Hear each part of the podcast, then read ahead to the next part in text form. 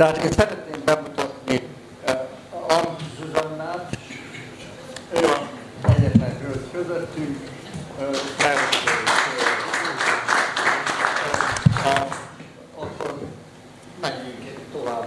Kis Tamást Erdélyből. Molnár József kollégámat Kárpátaljáról, és hát itt ebben az értelemben maradt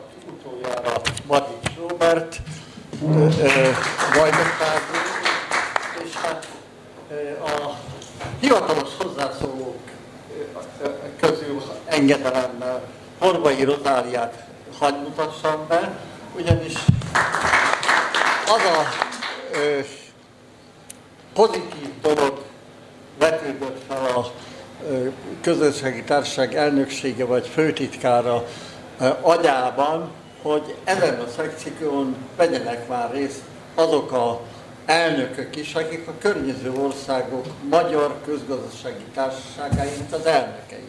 Tehát a Horvai Rozália a felvidéki magyarság, ottani közgazdászok társaságának az elnöke, a Nagy Károly úrak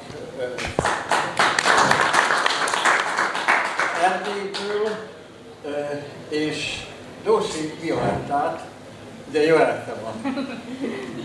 Biósi, Biósi, Biósi, Biósi, bocsánat, Biósi Violettát Vajdaságból. Na most az előzetes megbeszélés alapján mi a, ugye a meglévő 90 perc, illetve említettem, hogy most már 100 percben úgy egyeztünk meg, hogy a kedves előadók 10-10 percet kapnak, a hivatalos hozzá. Jaj, elnézést kérek, Bende József urat elfelejtettem. Hát így van ez, a, a, aki nem ott ül, ahol, ahol a, a, várom, hogy ő legyen.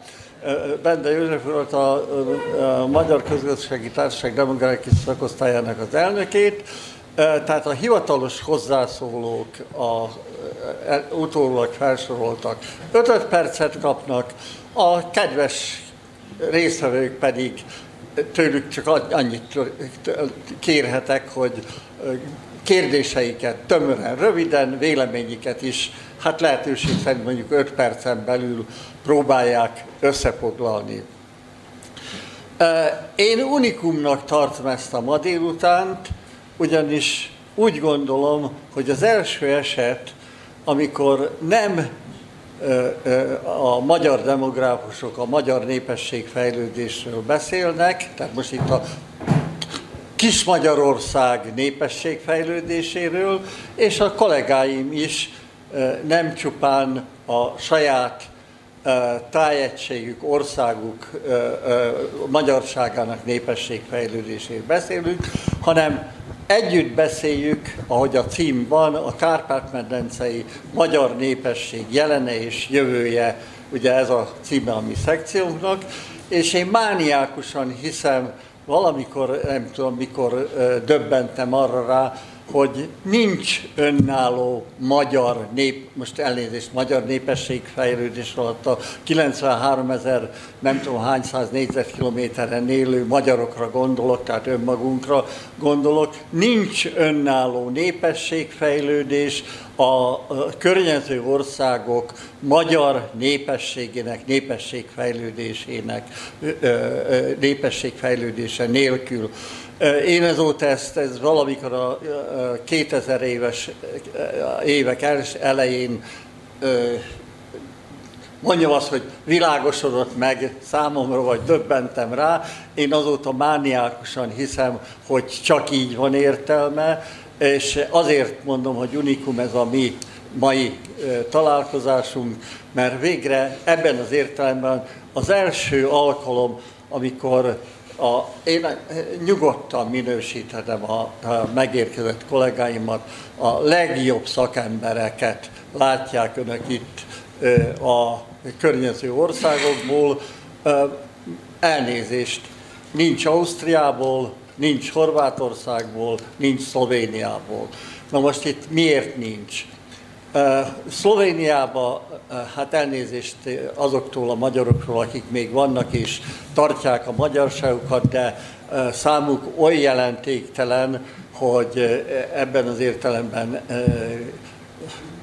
ma most nem mondok semmit. A délszáv háború a horvátországi magyarságot egyrészt lefejezte, másrészt meg akik még maradtak, azokat szétszórta. A horvát politika mindent megtett azért, hogy a saját nemzetiségi problémáit az én megítélésem szerint a háború örve alatt megoldja. Ezt a, a, ott élő magyarok, akik még ott maradtak, ezt jól érzékelték, és ismereteim szerint az ősi területről, akik még maradtak, azok a tengerpartra mentek, és ott hát élik most már életüket, és végzik a munkájukat. Tovább nem folytatom, mert folytathatnám délvidékkel, és folytathatnám Kárpátaljával, csak az aggodalmamat tudom megfogalmazni mindkét terület vonatkozásában, és más típusú aggodalom a felvidéki magyarsággal kapcsolatban.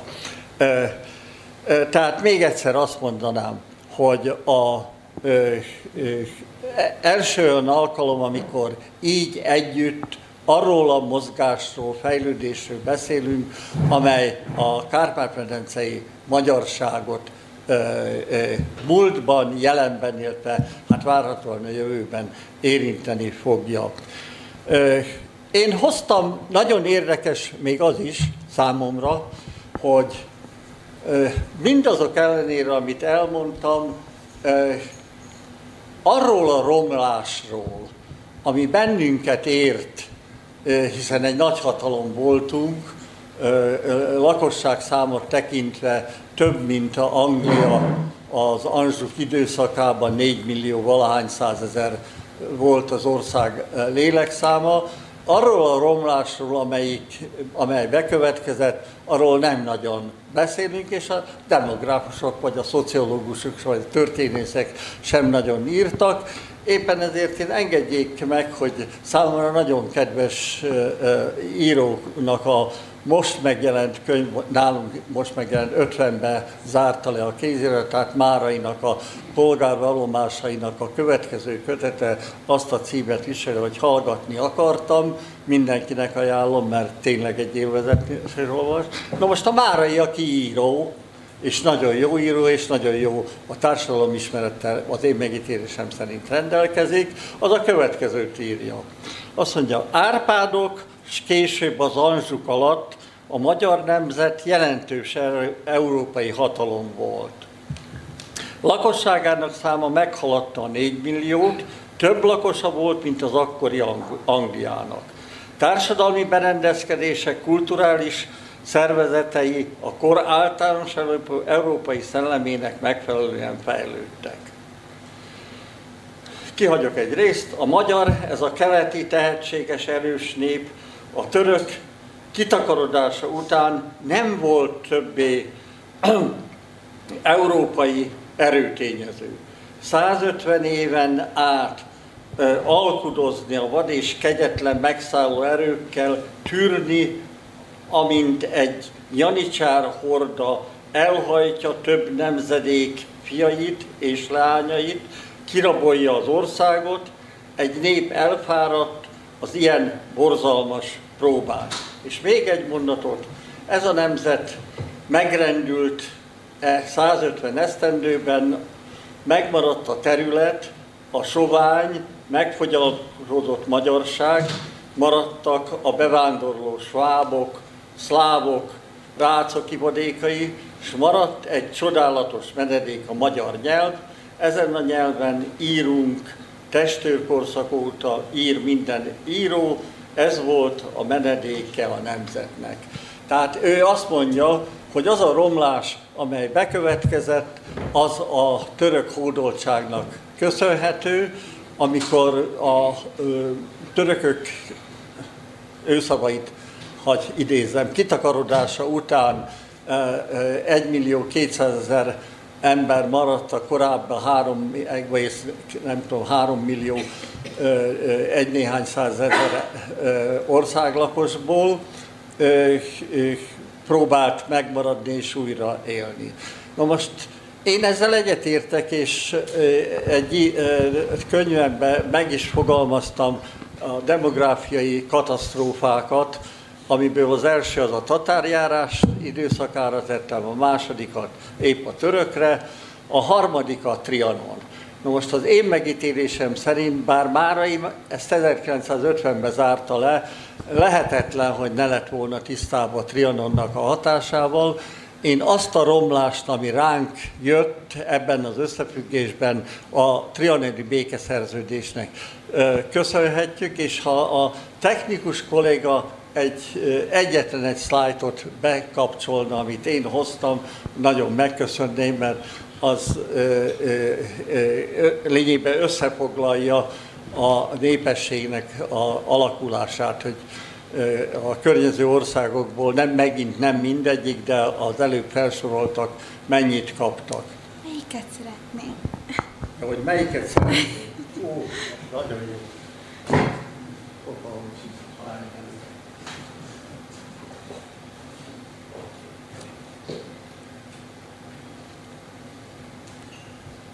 Az utolsó. Igen. Na most én erről a táblázatról nem beszélek, mindenki nézegesse, és ha majd lesz, ugye azt csináltam, hogy 1910-ben utolsó népszámlálás alatt Romániá, Romániában, Csehszlovákiában, Jugoszláviában, Ausztriában mennyi magyar került, és akkor az ország létszáma mennyi volt. A következő nagy vonalon azt írtam, nagy vonalon azt írtam, hogy jelenleg, tehát nem írtam oda, hogy az egyes országokban mikor volt a népszámlás, ez mind az elmúlt két-három esztendőben volt, hogy jelenleg ennyi volt, odaírtam százalékba a csökkenés mértékét, és odaírtam ugye a Magyarország hát nem tudom, Marcel, 9 millió 686 ezer 10 darabot találtam valahol az interneten, és összeadtam, a, hogy mennyi volt 10-ben, és mennyi jelen pillanatban, és még ide alul odaírtam, mert itt el szoktuk felejteni, hogy a trianoni békeszerződés kapcsán még Lengyelország és Olaszország is csiptantak le belőlünk, nem nagyon sokat, és ugye ott van a kárpátaljai, azt, azt nem írt, nem tettem oda, mert zavaró voltam, hogy a csehszlovákiai összmagyarság, illetve majd amikor ugye Stalin megkapt, a Beres felajánlotta Kárpátalját Stalinnak, akkor Oroszország Szovjetunióhoz került, hogy attól kezdve mi van. Hát ott azt találtam, és Molnár kollega e-mailben megerősítette, hogy hogy 151 ezeret írtak össze utoljára, és a summa 2017-es felmérés pedig 131 ezer magyar talált. Az már csak egy csendes megjegyzésem, hogy most mennyi van, azt, azt nehéz tudni. Tehát ez volna, én úgy gondolom, hogy az a folyamat, amely bekövetkezett a Kárpát-medencei magyarsággal, ezt alapvetően a triané békeszerződés pecsételte meg, és döntötte el. Tehát még egyszer hangsúlyoznám, hogy a felfogásom szerint külön egymástól elszigetelten nem lehet vizsgálni. A Kárpát-medencei, az én felfogásom szerint a Kárpát-medencei magyar népességfejlődést, csak egységben, azaz a Kárpát-medencében élő magyarok, és most elfeledkezek a, a migrált a különböző évtizedekben, évszázadokban Magyarországról, a világ számos országában migrált magyarokról. Na most ezek után abban maradtunk, hogy Lam Zsuzsanna folytatja, és szeretném Zsuzsát megkérni, hogy és a, a Én már többször megtettem, hogy nem a mikrofonba beszéltem. Zsuzsa, légy kedves a mikrofont használni.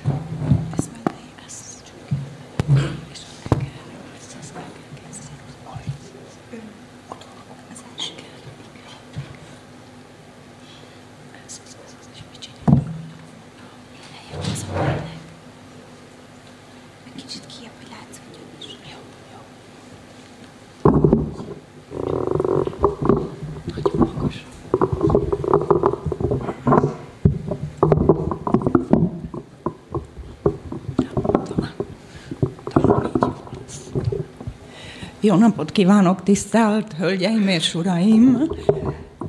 Igen, csak akkor nem látom a táblázatot.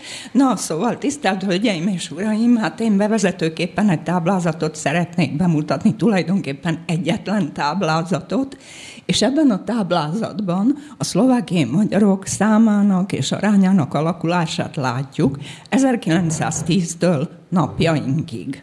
Nézzük rögtön az első sort. 1910, ez még a magyarországi népszámlálás, és ebben a népszámlálásban azokban az észak-magyarországi megyékben, amelyekből hát később azután Szlovákia lett, azokban a megyékben 896 ezer magyar élt, akik annak a területnek a lakosságának a 30,62%-át tették ki.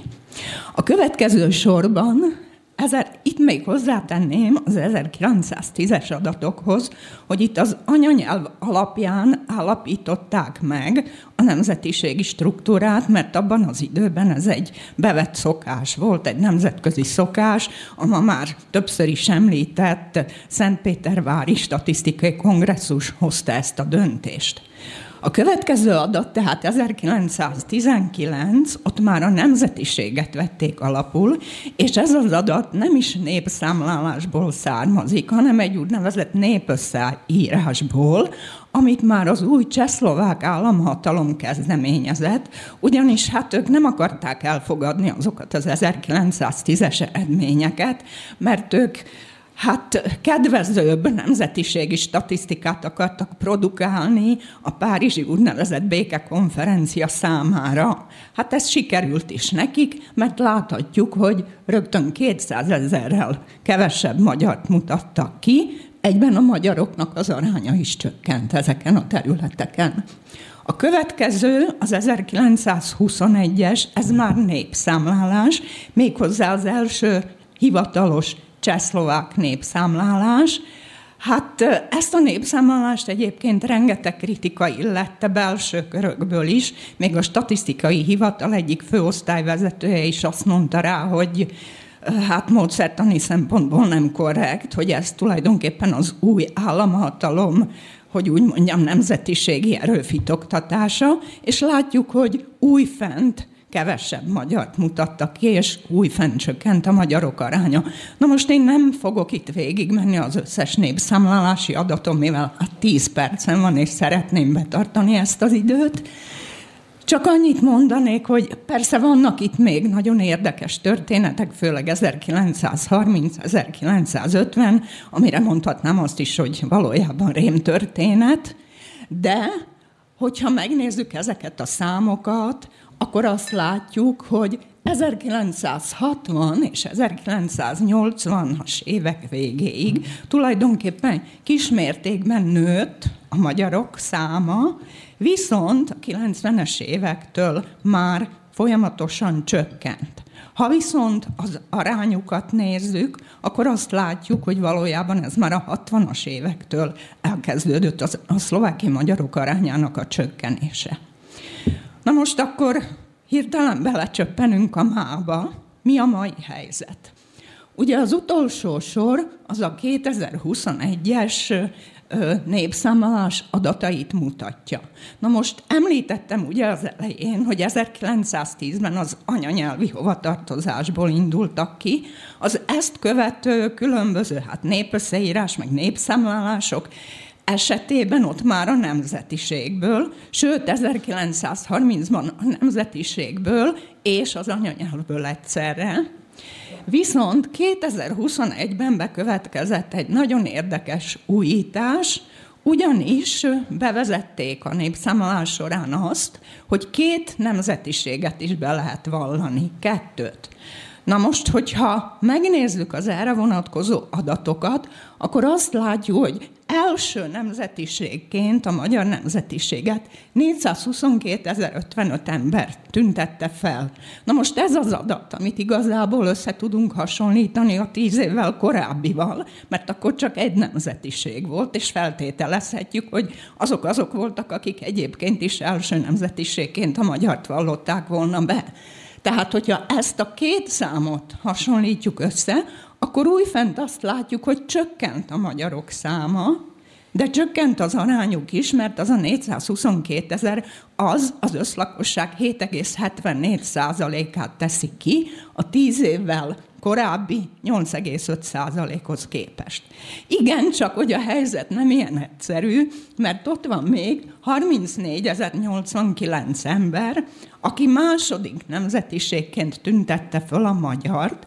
Na most persze, hogyha valaki valamilyen szinten magyarnak vallja magát, tehát nem hagyhatjuk ki őt a magyar nemzetiségűek közül, vagyis, hogyha ezt a két számot összeadjuk, így kapjuk a regisztrált nemzetiségi adatnál azt, hogy 456.154 magyar él a 2021-es népszámlálás szerint Szlovákiában, és ez a lakosság 8,4%-át teszi ki, tehát, hogyha ezt a számot veszük alapul, akkor valójában azt látjuk, hogy hát nagyon minimális fogyás következett be abszolút számokban, és hát ezt tükrözi az aránynak a minimális, tényleg minimális csökkenése.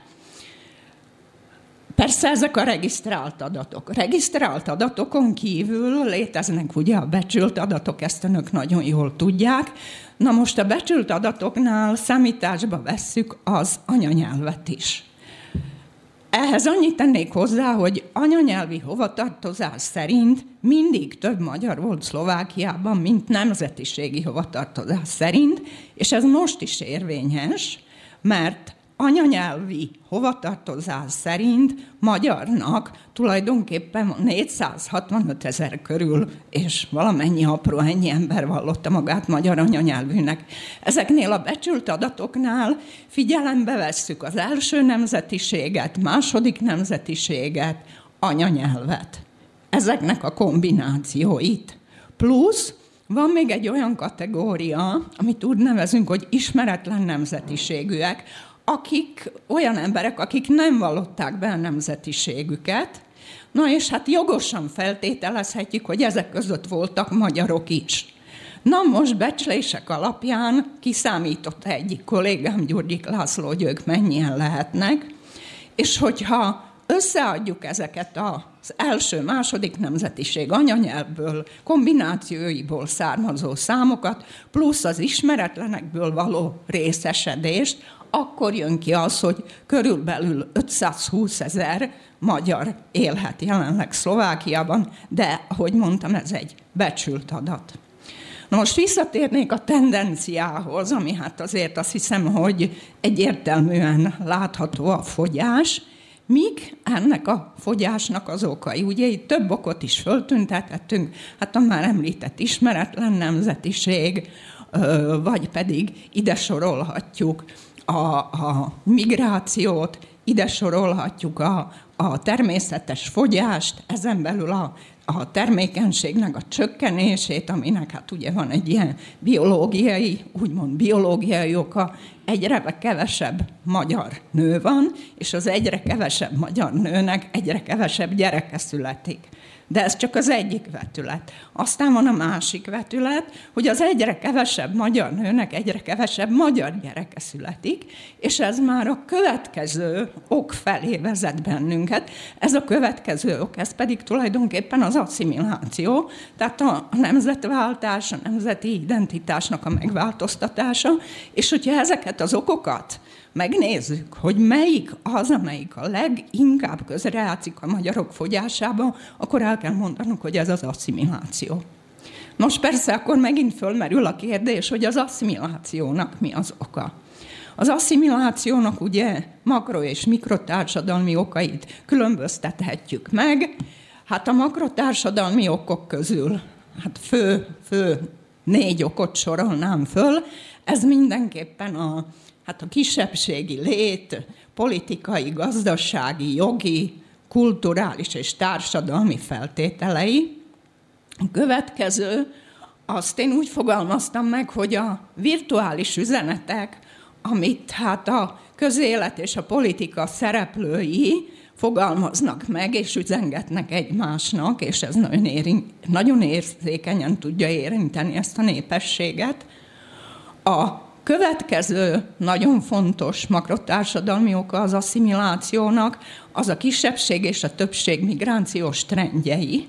És a negyedik makrotársadalmi ok az mindenképpen a nemzetiségileg vegyes lakosságú területek, hát hogy úgy mondjam, nemzetiségi struktúrája.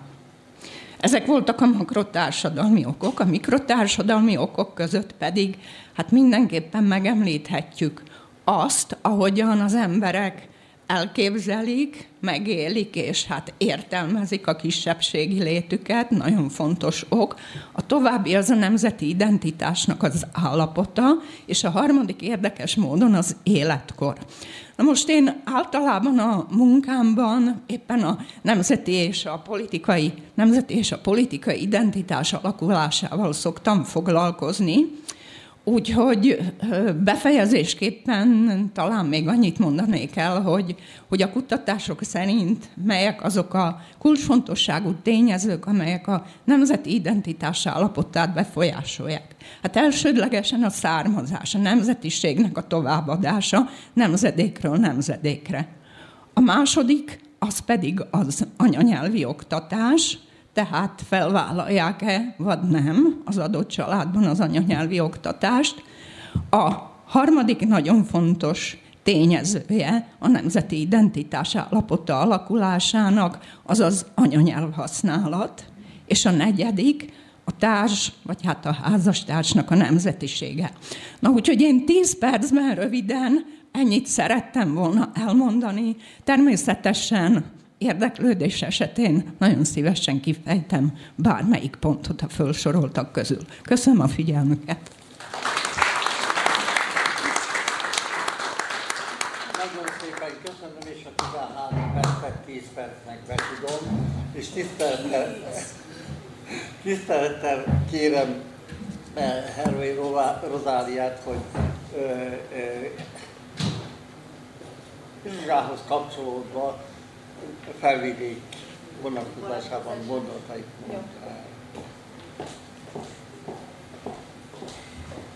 Nincs prezentáció. Nem, nem kell semmi. Csak nem, nem, nem, nem. Köszi. Nem kell köszönni.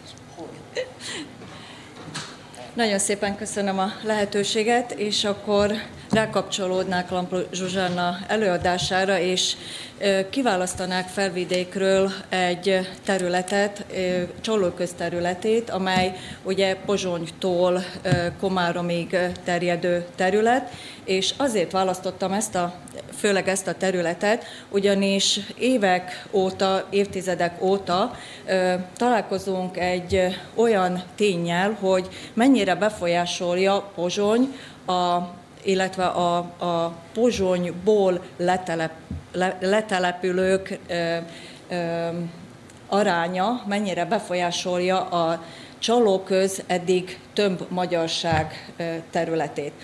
Tudni kell, hogy a jelenleg felvidéken a csalóköznek a, a csalóköz az a rész, amelyben amelyben ugye még a több magyarság volt, tehát a legtöbb legtöbb községben magyar magyar polgármesterek, magyar képviselők voltak, és az utóbbi évtizedekben ez kezdődött a felső csalóköznél, illetve még kiemelném a Szenci járást, ahol fokozatosan át átértékelődött, illetve a pozsony leszívó hatása ugye egy kicsit átírta a, a folyamatot, és nagyon elkezdett a, a magyarok aránya csökkenni. Tehát Az őshonos magyar közösségek elkezdtek kisebbségbe kerülni, és ma már megfigyelhető a felső csaló közben ez már úgy kell elképzelni, hogy aki ismeri a Dunaszerdai járást, akkor ez a Dunaszerdahely Pozsony felőli része, tehát a felső csaló közben már nagyon kevés olyan község van, ahol a magyarság van többségben, és ahogy előbb említettem, ez annyira átírja a viszonyokat, hogy már nagyon kevés, a, azon kívül, hogy megszűnnek a magyar iskolák, nagyon kevés a, a magyarul beszélő polgármester, képviselő és természetesen a lakosság is. Viszont a legnagyobb probléma az, hogy ezek a betelepedők az nem, nem lakhelyként használják a, a a, a mm, községet, hanem csak hétvégi, hétvégi alapon, tehát vagy vagy csak hétvégi házuk van, vagy pedig ugye megépült az R7-es autópálya, és az R7-es autópálya nagyon nagy előny, előnyt kovácsolt azzal, hogy a jelenleg két és fél órás út 30 percre csökkent. Tehát azzal, hogy a csalóközi embereknek is megszüntette, megkönnyítette a pozsonyba ingázását, természetesen ez fordítva is egy visszaütő, ugyanis a pozsonyi ember is nagyon hama le tud jönni, tehát dolgozik Pozsonyba, a házait vagy az ingatlanjait bérbe adja például Pozsonyba, és lejön a kisközségekbe.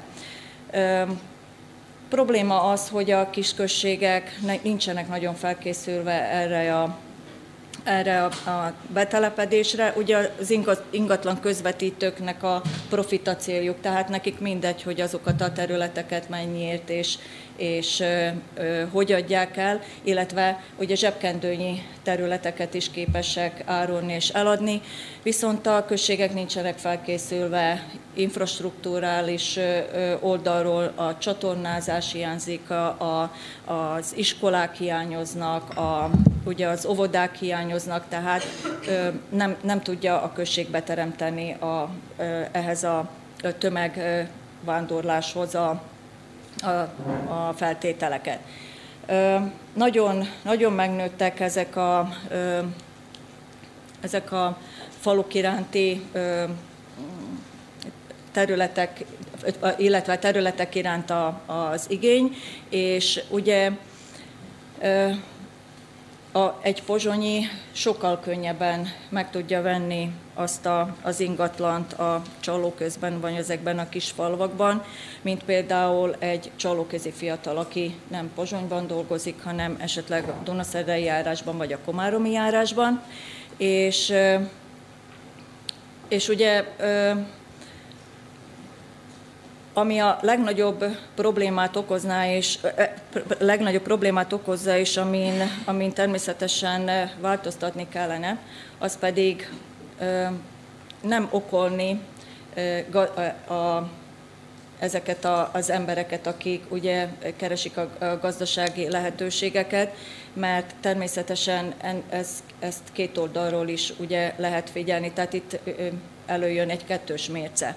Mi a fontos? Az, hogy gazdaságilag egy kicsit bővüljön és növekedjen az a, az a terület, illetve ugye csalóköz, vagy pedig az, hogy megmaradjon a, a magyar, minél több ö, ö, magyar maradjon a, a területen, illetve ugye megmaradjanak a magyar falvaink, megmaradjanak a magyar iskoláink. Sajnos az ide költözők több, többsége nem nagyon kapcsolódik bele a, a mindennapokba, és korábban például senkinek nem volt probléma az, hogyha először magyarul hirdettek, és utána szlovákul, vagy például, ha a szobron mm, magyarul volt csak kiírva a szobor története, vagy a szobor neve. Ma ezt szóvá teszik, és keresik, a, keresik azokat a problémákat, tehát hogy, hogy a feljelentés lehetőségét, hogy ugye hogy tudják minél gyakrabban elmarasztalni a magyar falvakat. Sajnos, és az iskolákról ugye nem is beszélve. Sajnos, mivel itt ez a kettős mérce, hogy valójában mi is volna a jobb, hogy most ugye a gazdasági szempontból, hogy visszafogni, vagy pedig egy patrióta hozzáállás.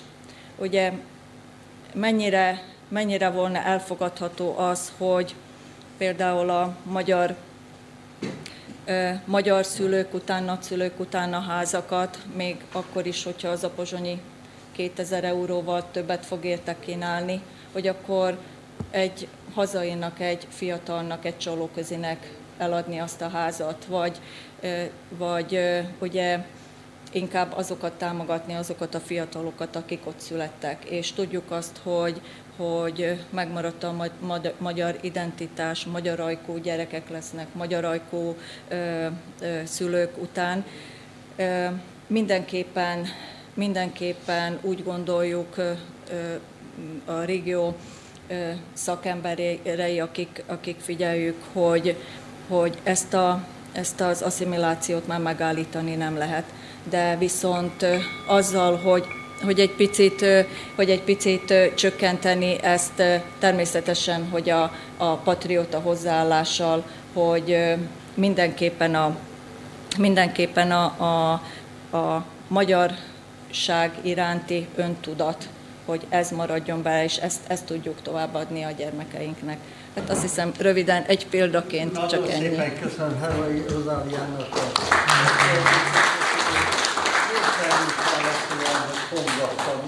kongattam, kellett, de Molnár Józsefet szeretnék kérni, kedves kollégám, hogy folytasd Hát, most ne legyen kivétel itt, hogy a sor megszakadjon.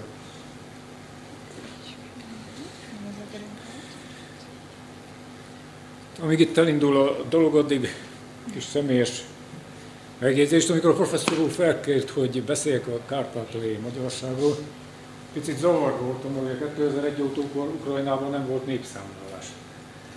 És, bocsánat, tehát nem volt 2001 óta Ukrajnában népszámlálás? Igen, az. És gondoltam, hát miről fogok itt beszélni. Na, de ma a főosztályvezető úr elmondta, hogy nem kell adat ahhoz, hogy statisztikai előadást tartsunk. Úgyhogy most egy kicsit nyugodtabban fogok bele a dologba.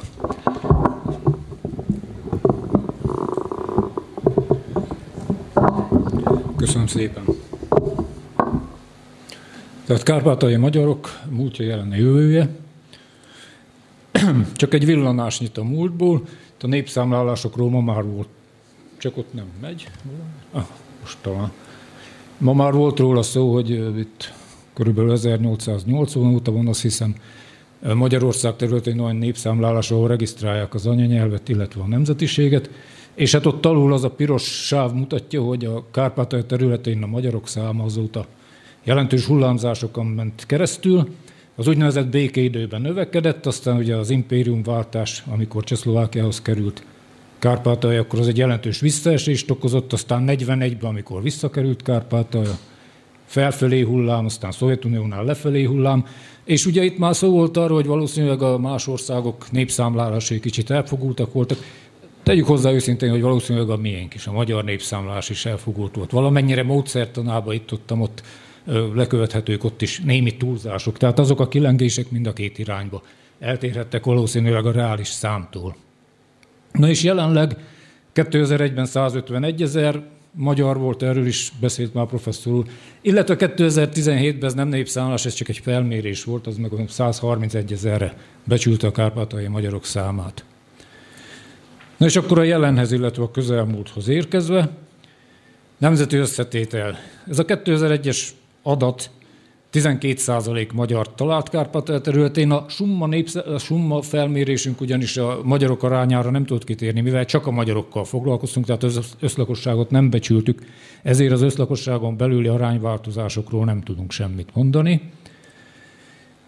Területi elhelyezkedés, a magyar etnikai terület az a délnyugati részén Kárpátalján húzódik a magyar határral nagyjából párhuzamos egy olyan 15-20 kilométeres sávot foglal magában, a nyilván ezen kívül is vannak még szorványok. 2017-es summa felmérésről talán annyit, hogy itt fel vannak sorolva azok a kollégák, akik ebben a felmérésben részt vettek, illetve fel vannak sorolva azok a az intézmények, amelyek ezt a felmérést támogatták, amelyek nélkül ez a felmérés nem sikerülhetett volna, nem élhetett volna létre. Röviden, hogy hogy is történt a felmérés, kérdőjös adatgyűjtést végeztünk 111 magyar lakta településen, ezzel gyakorlatilag, ahogy itt a térkép is mutatta, lefettük a kárpátai magyar nyelvterületet, meg még a népesebb szórványtelepüléseket is, összesen 312 mintavételi pont. Kárpátai magyarság 15%-át sikerült így összeírni, és egy mintavételi pontot úgy terveztünk meg, hogy az 20 részben vagy teljesen magyar háztartásból álljon. Ezeknek a tagjairól csináltunk egy rövid adatfelvételt. Hogyan lehet ebből becsülni a kárpátai magyarok számát? Hát tényezőként próbálkoztunk meg vele. Egyrészt a természetes szaporodást becsültük a születések, halálozások száma alapján. Ebből azt kaptuk, hogy 2001 és 2017 között körülbelül 6,7 ezres fogyást adott a természetes szaporodott, pontosabban a természetes fogyás. Aztán a nemzetközi migráció, próbálkoztunk meg. Ez az ábra azt mutatja, hogy ott a népszámlálástól a Summa 2017 felmérésig ez hogyan változott évente. Jól látható 2014 után ennek a folyamatnak a megugrása, ugye tudjuk, hogy akkor indultak meg Kelet-Ukrajnában háborús események, és összességében a felmért 15 év alatt közel 15 ezres migrációs veszteséget szenvedett a kárpátai magyarság. Sötét-zöld szín mutatja, hogy a nagy része ezeknek a kivándorlóknak Magyarországra érkezett. Voltak betelepülők is, de hát azok száma jelentéktelennek nevezhető. Az asszimilációt itt már a kollégák említették, hogy Szlovákiában ez jelentős, máshol komoly tényezőt képvisel. Mi azt találtuk, hogy hát ez Kárpátalján kétirányú utca. Legfontosabb tényezője a helyi etnikai arányok. Ahol a magyarság többségben volt, ott azt találtuk, hogy migrációs nyereség történt. Tehát inkább a vegyes házasságok gyerekei nagyobb arányban lettek magyarként összeírva, szórványban viszont némi migrációs veszteség volt, de összességében a 21. században jelentős számú népességváltozást a kárpátai magyarok körében az asszimiláció nem jelentett. És akkor az eredmény az egésznek, hogy 131 ezer magyar találtunk Kárpátalján 2017 elejére. Talán még az eredmények közül ezt a korfát villantanám fel, amelyik mutatja, hogy nem igazán kedvező, mert alul szűkül. Ez azt jelenti, hogy a fiatalabb korosztályok kis létszámban fordulnak elő, és hát ez előre vetíti a további lakosságszám csökkenést, létszám csökkenést. Professzor úr kért, hogy valamit próbáljunk meg a jövőre vonatkozóra is mondani.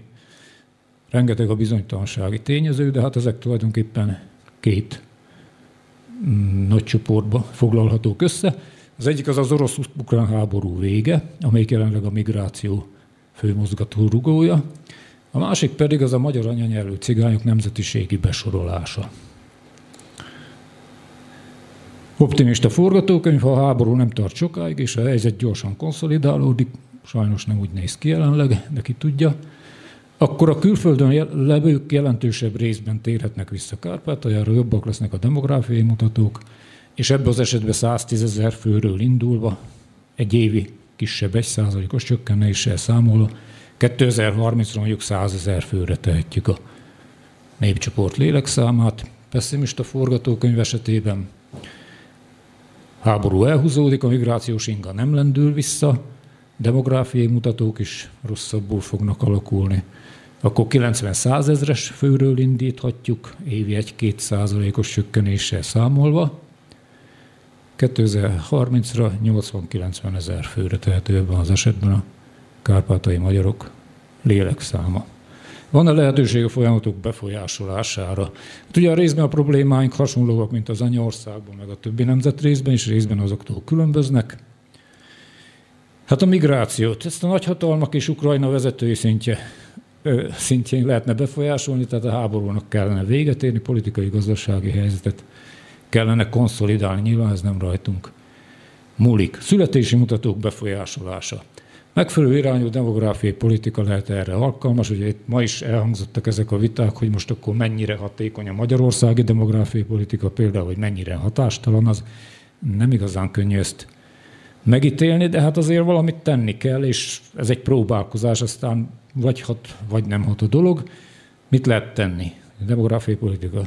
Anyagi támogatás, munkaidő kedvezménye gyerekneveléshez, nyugdíjkedvezmény esetleg dolgozó gyerekek szüleinek, hogy csak néhány a sok felmerülő ötlet közül, talán a médiapolitika is hozzájárulhatna. Ehhez elő lehetne segíteni gyerekállást, ösztönző üzenetek megjelenítését, meg csak néhány példát itt is.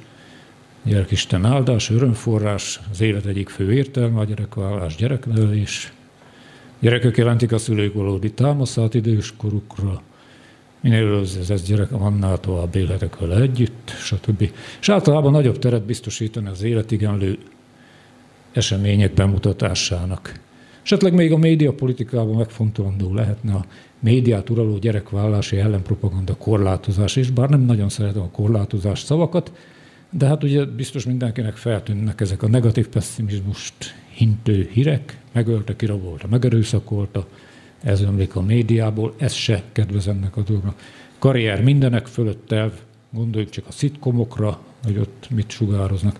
Gyerek nyug, amely tönkreteszi a fiatalok életét, szitkomokba ki a lúzer, akinek gyereke van. Függetlenség, fetisizálása, tehát ezzel is lehetne valamit talán kezdeni, bár nem vagyok benne biztos.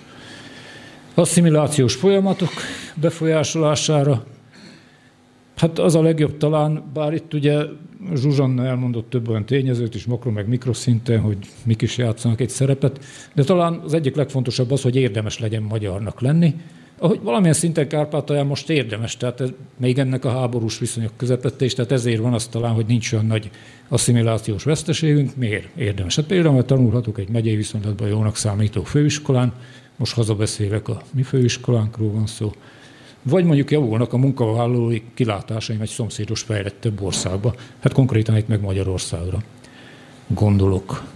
Na és végezetül a több mint 50 ezeres kárpátai cigányság, ennyire becsüljük jelenleg a lélekszámokat, ebből 23 ezer magyar anyanyelvű, népszámlálás önmeghatározása, illetve besorolása, ez jelentős mértékben szituatív, és ugyancsak jelentősen befolyásolhatja egy esetleges jövőbeli népszámláláson, hogy hányan vallják magukat magyarnak. Köszönöm szépen a figyelmet. Hát én is megköszönöm Molnár József kollégámnak az előadását, példamutató tömörséggel, és hát bár ő egy néhány mondattal vagy gondolattal kitért a Magyarország hatására, Kárpátaljára, hát első alkalom, hogy ilyen körben így beszélünk.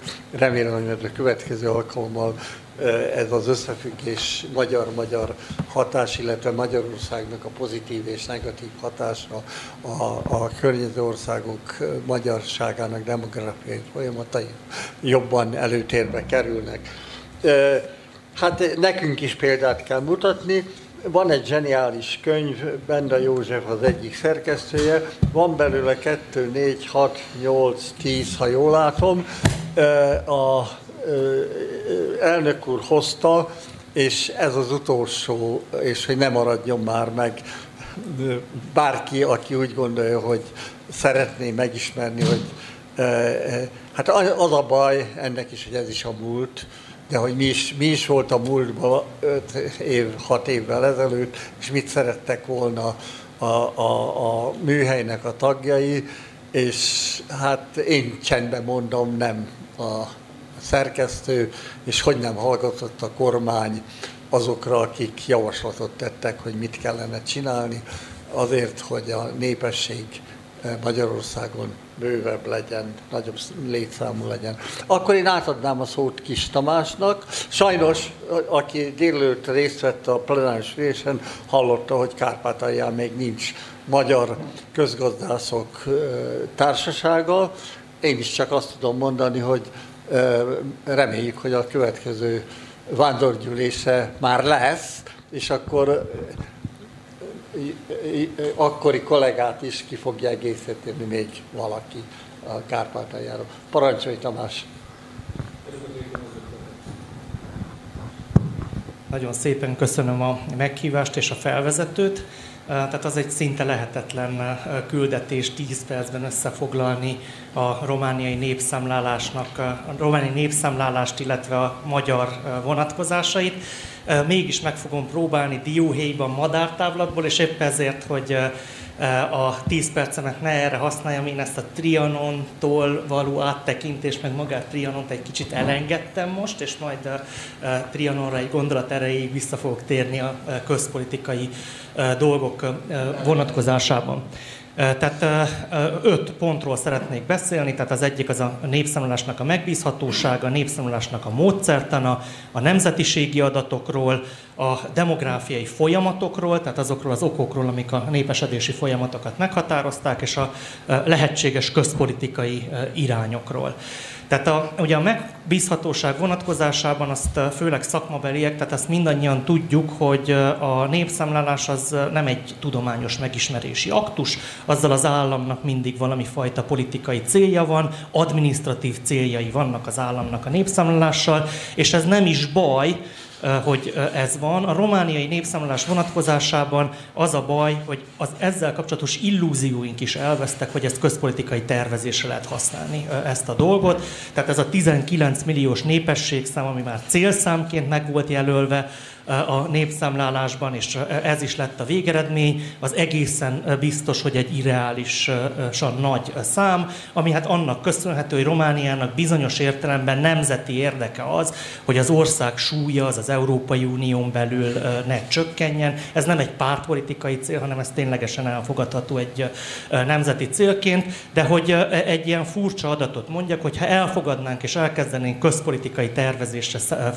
használni ezeket az adatokat, akkor abból kéne kiinduljunk, hogy a 16, 14 éves korú lakosságnak a 17%-a beiskolázatlan. Tehát ez egy eszméletlenül magas adat.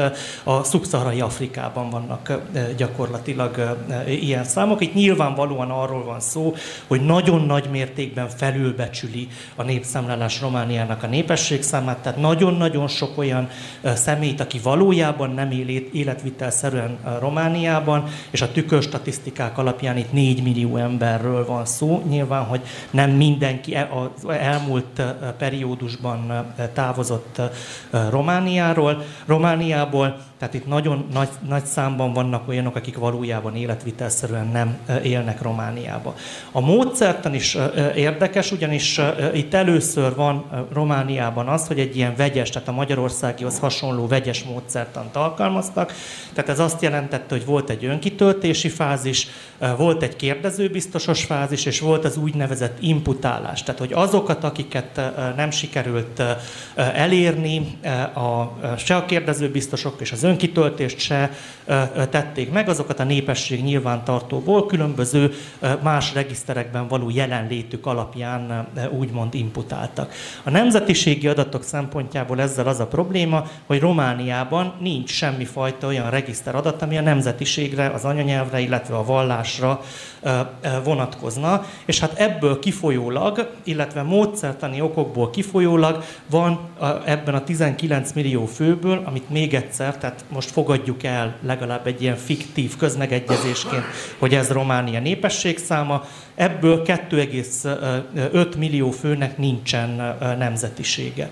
Most amikor erről gondolkodunk, akkor nyilvánvalóan önkéntelenül, tehát hogyha tudjuk is, hogy nem így van, ez a nemzeti közömbösség jut eszünkbe, tehát amikor Palival egyeztettünk arról, hogy akkor mi legyen, hogyan számoljuk a magyarokat, akkor felvetődött az, hogy most akkor az a magyar, akit megszámoltak magyarként. Tehát itt egész biztos, hogy nem csak az a magyar, akit megszámoltak magyarként, hanem valami valahogy becsülnünk kell azt is, hogy ebbe a 2,5 millióban még egyszer, hogyha elfogadjuk a népességszámot, akkor abból mennyi lehet a magyar, és a, a községszintű adatok alapján lehet becsülni ezt az 1,1 millió főt, feltételezve, hogy az adott községen belül, tehát ez jelenleg a legalacsonyabb agregációs szint, amire rendelkezésünkre áll.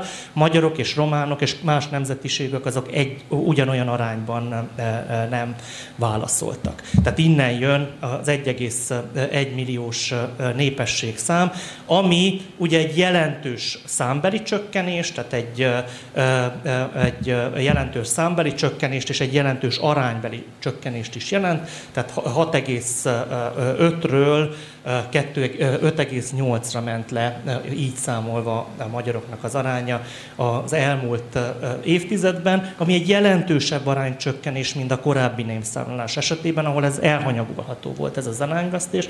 Most gyakorlatilag ti álltok úgy egy rosszabb népszámlálás után, hogy az aránycsökkenés az, az minimális. Itt ez egy, egy rosszabb trend volt az elmúlt tíz évben az erdélyi magyarok szempontjából. Mik állnak emögött a, a relatíve rossz trend, trendek mögött? Tehát a fő oka az, ami miatt arányvesztés van, az az, hogy a természetes népmozgalmi egyenleg az erdélyi magyaroknak sokkal kedvezőbb, mint, kedvezőtlenebb, mint az országos átlag. Mégpedig elsősorban nem azért, mert a magyar családokban alacsonyabb lenne ez a te, teljes termékenységi arányszám, sőt lehet, hogy valamivel talán magasabb is, de a korszerkezete az erdélyi magyar közösségnek az, az rettenetesen kedvezőtlen, és úgy lehet számítani, hogy a népességnek mondjuk a 6%-át kitevő erdélyi magyar közösségre jut a romániai természetes népmozgalmi veszteségnek a 13 a Tehát ez egy tetemes veszteség. A korábbi népszámlálásban, ami miatt ez nem realizálódott aránycsökkenésben, az azért volt, mert valami, tehát Romániában óriási volt az elvándorlás 2000, tehát az Európai Uniós csatlakozás periódusában. A magyar területeknek a népesség megtartó ereje ehhez képest valamivel kedvezőbb volt. Tehát a Székelyföldnek elsősorban, és a Párciumnak ez az északi nagyváros várattól északra eső részének valamivel kedvezőtlen, kedvezőbb volt a népesség megtartó ereje. Most ebben a népszámlálásban ez nem így volt. Tehát úgy tűnik a regionális adatok alapján, hogy valami picivel, tehát nem drasztikusan és nem nagyon durva, megint, hogyha elfogadjuk a népszámlálási keretszámokat, amik kétségesek, tehát látjuk, hogy minden adat mozog, tehát gyakorlatilag biztosat már így demográfusként nagyon keveset tudunk, de hogyha ezeket elfogadjuk, akkor valamivel nagyobb a migrációs vesztesége is, tehát nem, hogy kompenzálná, még növeli is, és hozzájárul az arányvesztéshez. Illetve, ami egy új jelenségnek tűnik Erdély vonatkozásában, itt az asszimilációról részletesen beszélt már Zsuzsa, itt nálunk Szilágyi Ján Sándor nyelvész professzor adta az asszimilációnak egy ilyen nagyon jó definícióját, és megkülönböztette az intergenerációs és az intragenerációs asszimilációt. Az intergenerációs asszimiláció az az, amikor a vegyes családokban a kiegyenlített etnikai szocializációs modellek miatt egy veszteség keletkezik, azt láthattuk, hogy egyedül Kárpátalja volt a háború előtt az a terület, ahol ez nem így volt. Olyan gyenge volt az ukrán állam, olyan alacsony kapacitású volt az ukrán állam, hogy nem jelentett ukránnak lenni egy többletet Beregszászon és környékén, de ez a, a, ez a nemzetiségi veszteség minden más területen megvolt. Ami új ebben a népszámlálásban, az az, hogy van egy, tehát egy nemzetiségváltás. Tehát vannak nagyon nagy számban 24 ezer olyan magyar anyanyelvünk van, akinek a nemzetisége az, az román, és vannak Erdélyben ilyen néprajzilag is beazonosítható kategóriák, mint például az elmagyarosodott kászoni románok, vagy vannak Szatmáron is ilyen falvak, de itt nem erről van szó, hanem nagy mennyiségben találunk ilyeneket. Közpolitikai tekintetben mit lehet tenni, és itt, itt térnék egy picit-picit vissza Trianon, Trianonhoz. Én, én abszolút értékelem, és Palinak ezt a nemzeti elkötelezettségét, ami módszertanilag is megnyilvánul, és egyetértek bizonyos értelemben azzal, hogy összefüggenek nyilván a különböző nemzetrészeknek a, a, a népesedési politikai folyamatai. Én az erdély magyar értelmiségnek az a része vagyok, aki kisebbségi közösség közösségben gondolkodik elsősorban, és csak másodszorban Kárpát, Kárpát-medencei magyarsággal, magyarságban, és a számomra nem egy megnyugtató dolog, hogyha az erdélyi magyarságról úgy beszélünk, mint a Budapest központú humán erőforrás menedzsmentnek az alanyáról. A Paliról, hát a Palival még a 2000-es évek elején, hogyha jól emlékszel, volt erről egy, egy, egy polémiánk. A másik dolog az az, hogy ha viszont ebben a kisebbségi keretben beszélünk, akkor ugye a kisebbségi eliteknek, tehát jelesül az RMDS-nek ilyen szempontból jó helyzetben, relatíve jó helyzetben van az erdélyi magyar közösség, mert ugye van egy erős etnikai pártja, de korlátozottak egyrészt a, a lehetőségei, tehát a népesedés politikát nem tud csinálni úgy, mint egy kormány, mert nagyon korlátozottak a lehetőségei, másrészt pedig azok a diskurzív keretek, amikben elgondolja a népesedés politikát, az se biztos jó, mert ezek a, a, a gondolatok szintjén meglévő népesedés politikai elemek azok nagyon a középosztályra fókuszálnak, és nem vetnek azzal számot, hogy az erdélyi magyar közösségnek a réteg szerkezete, az osztály szerkezete az nem ilyen, hanem a kétkezi munkások vannak felülreprezentálva, középosztályban gyakorlatilag a tanárok, a, a, az orvosok, tehát az egészségügy, az oktatás, ugye ami ennek a derékhadát adja, nem az, ami ezekben a közpolitikai elképzelésekben, hogy a kreatív osztály, meg nem tudom én mik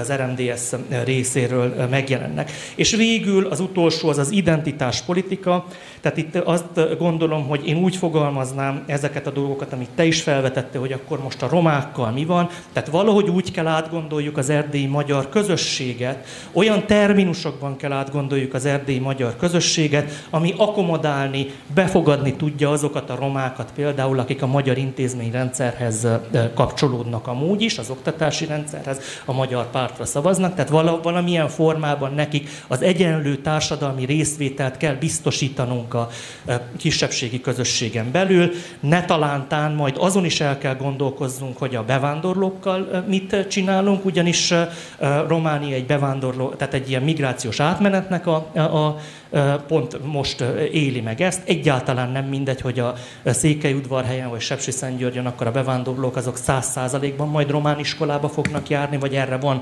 valamilyen közpolitikai fantáziája legalább a magyar eliteknek, amellett, hogy tolja ezeket a meglévő diskurzív kereteket, hogy a szorvány, meg a, a, a családpolitika, ami hát végül is én abban látnám, hogy valamilyen értelemben deetnicizálni kellene az etnopolitikát, és úgy meghatározni egy olyan nyelvi, kulturális közeg, közösségként meghatározni az erdélyi magyarságot, amiben ne talántán esetleg akkor is be tudsz lépni, hogyha nem magyarnak születtél. Köszönöm szépen a... Nagyon szépen. Szépen. Tamásnak a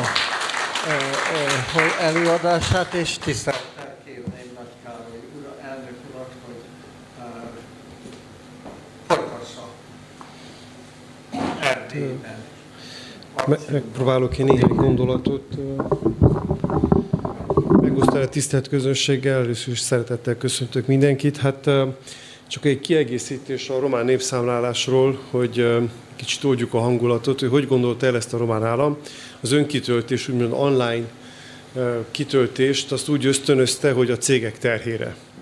Magyarán, tehát aki kitöltötte online a, a népszámlálási kérdőívet, ami különben nagyon bonyolult volt, és nagyon nehezen lehetett a, a nemzetiségi részhez eljutni, az kapott egy, egy igazolványt, és ennek fejébe a magánvállalatok szabadnapot kellett adjanak a saját költségükre a munkatársaknak ameddig nekem a HR igazgatóm nem hívta fel a figyelmemet, én nagyon bátorítottam, hogy töltsétek ki, töltsétek ki, töltsétek ki, és mikor mondta, hogy tudod, ez kb. 150 szabadnapunkba fog kerülni, akkor kezdtem számolni, hogy hups, annyira már nem támogattam azután, de azért nem állítottuk le a folyamatot. Tehát csak hogy érdekes, hogy gondolkodik a román állam. Um, szociológus ismerősötől megpróbáltam egy néhány adatot kérni, és uh, a, nagyon érdekes, hogy hogyan alakulnak a migrációs adatok Romániában. 2020-as, 21-es évre jelentősen csökkent, de még mindig nagy, az, hogy a Romániában születettek közül hányan hagyják el az országot, ez kb. 150 ezer fő. Ez azelőtt egy pár évvel ez 200 ezer fő volt, tehát azért valamennyi csökkenés van. Nem, nincs arra adat, hogy ezek közül, tehát hogy állunk, mint magyar nemzetiségűek, hogy ezek hogy mentek ki, tehát ez a központi statisztikai hivatalnak az adataiból vannak, viszont bevándorlók száma 2022-ben romániai születésűek 102 ezeren költöztek vissza Romániába. És egy másik adat, nem romániai születés, külföldi születésű, tehát elsősorban a gazdasági bevándorlók Romániába 90 ezerre tehető a számuk 2022-ben. Az előző évi 60 ezerről, tehát több mint 50 os növekedésről beszélünk, tehát az a gondolat, amit Tamás felvetett, hogy velük mi lesz adott pillanatban, ez egyre komolyabb gondot kezd okozni. Ugyanakkor azt hiszem, hogy meg kell nézzük, hogy gazdaságilag, tehát mint közgazdásztársaság, és mit is tudunk itt tenni. Tehát azt hiszem, hogy az egyik fontos dolog az az, hogy figyeljünk azokra a tényezőkre, hogy miért is akarnak elmenni, főleg a fiatalok az országból. Szintén orsz, egész országra vonatkozó adat, hogy kb. 5% a fiataloknak bátran kijelenti felmérésekor, hogy szándékában áll elhagyni az országot. A fő okok, lopás, tehát azt mondják, hogy a politikum lop. Az oktatás hiánya, érdekes módon olyan fiatalok mondják ezt, akik elsősorban alacsonyabb szintű képzésben vesznek részt, és a hazugság. Most mind a három ok, amiről itt beszélünk, ezek relatív fogalmak, tehát nem jelenik meg ezek között a gazdasági motiváció, vagy legalábbis nem mondják ki bátran, mert nyilvánvalóan kommunikációval lehet, lehetne ezen dolgozni. Jó hír az az, hogy az iskola rendszerünk, a magyar oktatás, az átlagjában jobban áll, mint a román intézményrendszer, tehát minőségében és, és úgymond a minőségnek a, a konstans méréseiben, viszont az elitiskoláink messze elmaradnak a románság elitiskoláitól eredményekben és teljesít, tehát a diákok teljesítményeiben is, tehát a bukaresti, kolozsvári és egyéb nagyvárosi elit képzések, azok magas szint, jobb, jobb eredménnyel dolgoznak, mint a magyar iskolák.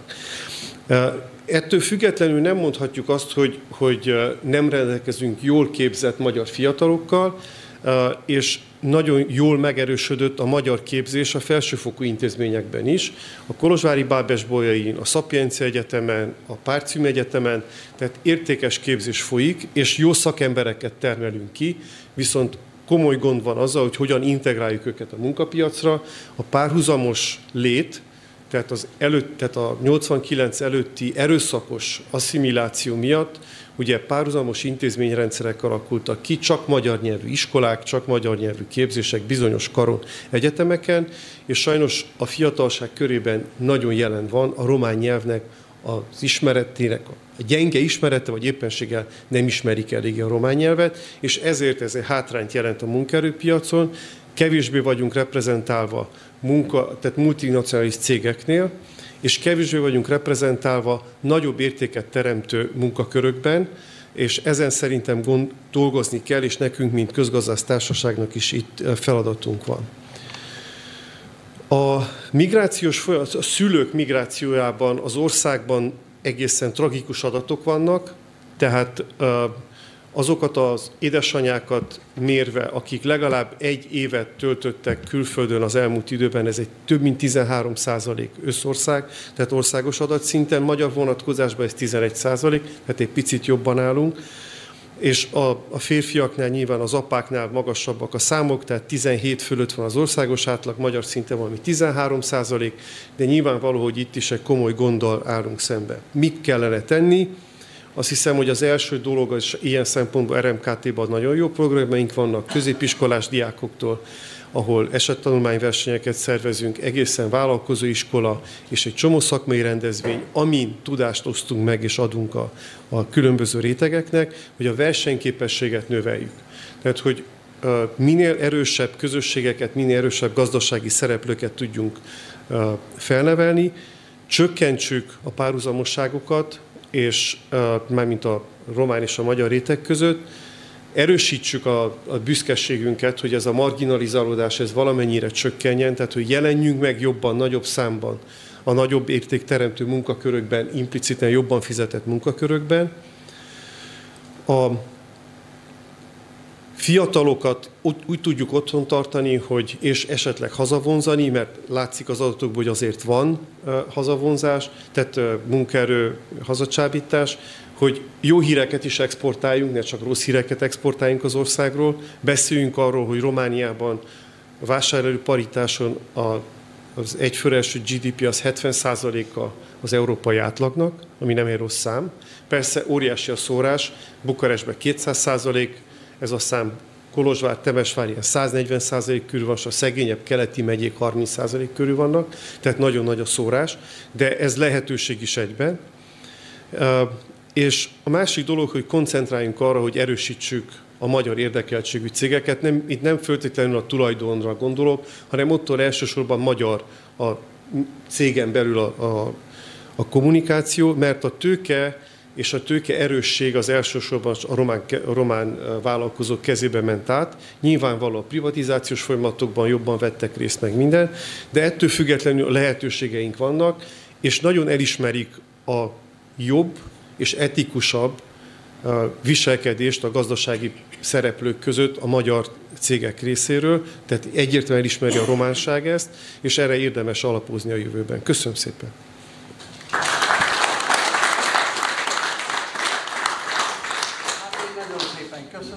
Hát mielőtt a körbe zárulna, van is Robert kollégámnak kérem, hogy vajdaságról, vajdaságról, a téli vajdaságról.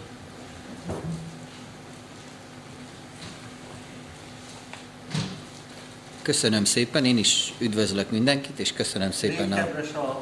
Mindjárt csak kapok helyet. Köszönöm. A...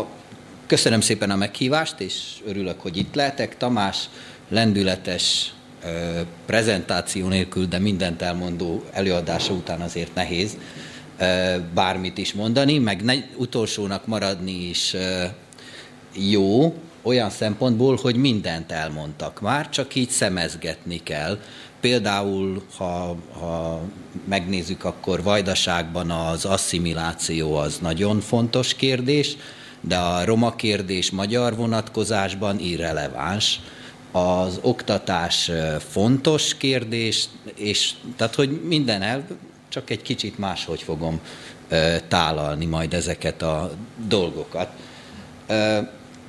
Azt a címet adtam, hogy a népszámlálás tükrében a népszámlálási adatokat most publikálja a statisztikai hivatal, csorgatják az adatokat, magyarokra nemzetiségi bontásban is ö, kitérnek, de nem viszik túlzásba. Sokkal, ö, sokkal szűkmarkúbban mérik a nemzetiségi bontott adatokat, mint az előző népszámlálások esetében. Kérésre sem adják ki, hanem, hanem azt mondják, hogy majd, majd egyszer sorra kerülünk, és hát nem vitázunk velük, mert náluk vannak az adatok, nekünk pedig kellene, úgyhogy vár, kivárjuk a sorunkat. Én nem rúgom fel a, a, a megbeszélt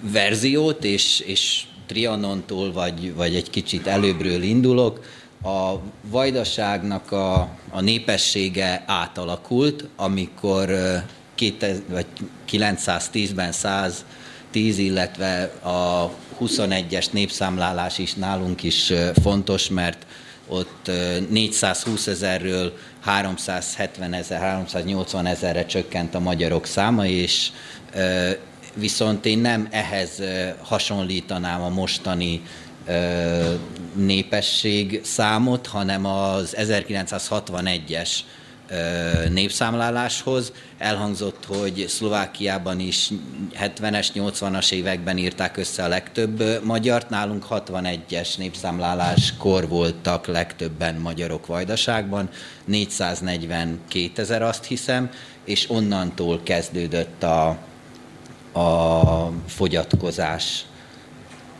Először lassabban, utána gyorsabban, de ez a következő szlájdon majd látszani fog. A magyar né- a szerb népességnek a számának a változása látható, hogy mindig valamilyen történelmi eseményhez kötődik, tehát általában nem népszaporulatnak tudható be a, a szerb népesség számának a megugrása, nem betelepítésnek Trianon után megugrott, utána a világháború, második világháború után is megugrott, és a 90-es években is mind megugrott. A szerb népesség, hogyha nem lenne migrációs utánpótlása, a 80-as évektől kezdődően a szerb népesség is fogyatkozik Vajdaságban. És ezen a, a szlájdon az látszik a táblázatban, hogy a, az arányok hogyan csökkentek a, a népszámlálások során, és hogy hogyan alakult át. Tehát az elmúlt száz év arról szólt a Vajdaságban, pontosabban nem erről szólt, hanem ez inkább társadalmi folyamatoknak a következménye, hogy a szerb népesség hogyan vált dominánsá. Egyharmadból bőven kétharmad fölé került a nemzeti összetételben, a magyarok létszáma közel 30%-ról 10%-ra esett vissza, a németek szinte teljesen eltűntek, azt hiszem, hogy 1900 német nemzetiségűt írtak össze 2022-ben, a román, szlovák jelentős arányból 3-4 százalékból egy, egy, egész, egy százalék, egy-kettő százalékra esett vissza, és a létszámban is visszaesés mutatkozik.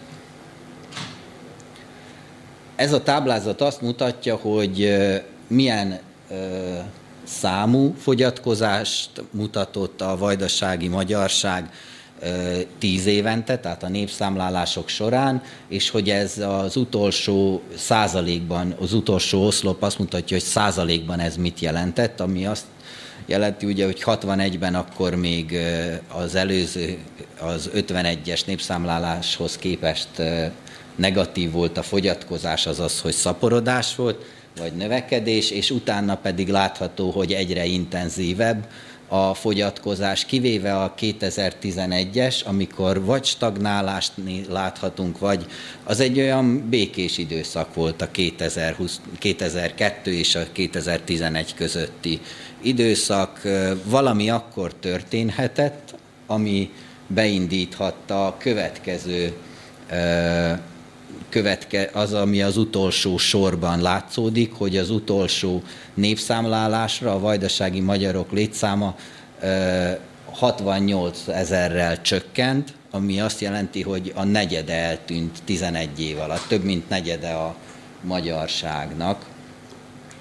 És akkor el is jutottunk a 2022-es népszámlálásig, 182.321 magyar nemzetiségűt írtak össze, és nálunk is ö, ö, volt vita, társadalmi vita, hogy, hogy akkor át, átvesznek adatokat a különböző adatbázisokból, melyeket használják, és ami nálunk a legnagyobb vita a szakértők és az állam között zajlott, hogy ezek a az adatbázisok mennyire megbízhatóak, hogy mennyire tükrözik a két laki életet, mennyire tükrözik azt, hogy, hogy valaki fenntartja még otthon a, a, azt az életét, ami, ami statisztikailag mondjuk követhető, mondjuk van biztosítása és fizet nyugdíjjárulékot saját maga után, vagy és, és közben már egyáltalán nem él otthon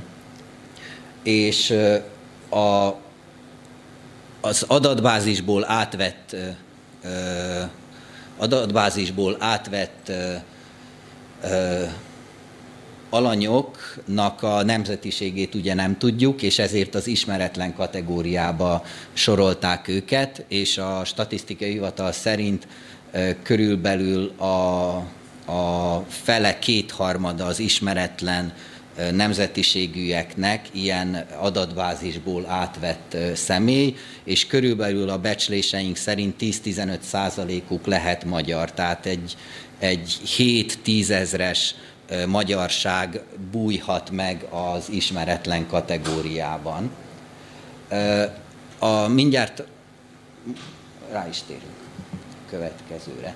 Községszintre nem megyünk le, mert abból Vajdaságban 45 darab van. Körzetek szintjén nézzük meg, hogy 2011 és 22 között mekkora volt a fogyatkozás. Ugye Vajdaság szintjén a, vajd, a magyarok 27%-kal lettek kevesebben, és van kettő olyan térség, amely nagyon rossz mutatókat produkál. Az egyik Nyugat-Bácska, tehát a horvát országgal határos rész, a, Duna melletti, Zombor, Bács, Kertes, Kupuszina, Gombos, ott már láttuk, hogy 2011-ben is nagy gond van, tehát két-három évvel magasabb volt az átlag életkor, a fiatalok már akkor is hiányoztak onnan, és van a, a bánsági rész, ahol, ahol szintén 30% feletti a, a fogyatkozás. Ezek elrejtenek bizonyos